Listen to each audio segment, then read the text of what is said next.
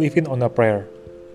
Filipi 4 ayat 6. Janganlah hendaknya kamu khawatir tentang apa pun juga, tetapi nyatakanlah dalam segala hal keinginanmu kepada Allah dalam doa dan permohonan dengan ucapan syukur. Ketika mendengar judul renungan kita pada hari ini, mungkin Anda akan langsung teringat dengan lagu dari band rock Bon Jovi yang menggunakan judul yang sama. Lagu ini memang bercerita tentang bagaimana dua orang pasangan suami istri Tommy dan Gina, yang sedang mengalami kesulitan hidup, akhirnya memutuskan untuk menggantungkan hidup mereka pada doa. Barangkali kita juga sudah begitu familiar dengan cerita seperti dalam lagu ini. Namun, jika kita mau mencermati lebih dalam, kita akan menemukan bahwa Tommy dan Gina menjadikan doa sebagai pertolongan terakhir ketika keadaan sangat buruk.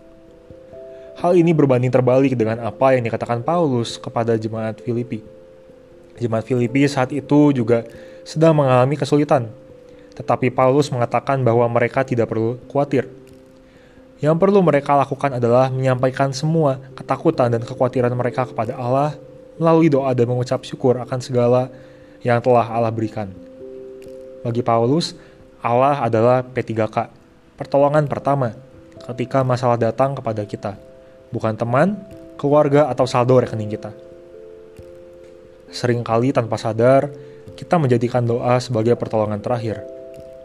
Tapi hari ini kita belajar bahwa Allah ingin supaya kita menjadikan doa sebagai P3K ketika kita bergumul dengan sesuatu. Seringan atau berat apa pun masalah yang menimpa kita, Allah mau kita live in on a prayer. Sudahkah kita menyampaikan kekuatan kita dalam doa kepada Allah? Maukah kita hidup bergantung sepenuhnya kepada Allah melalui doa?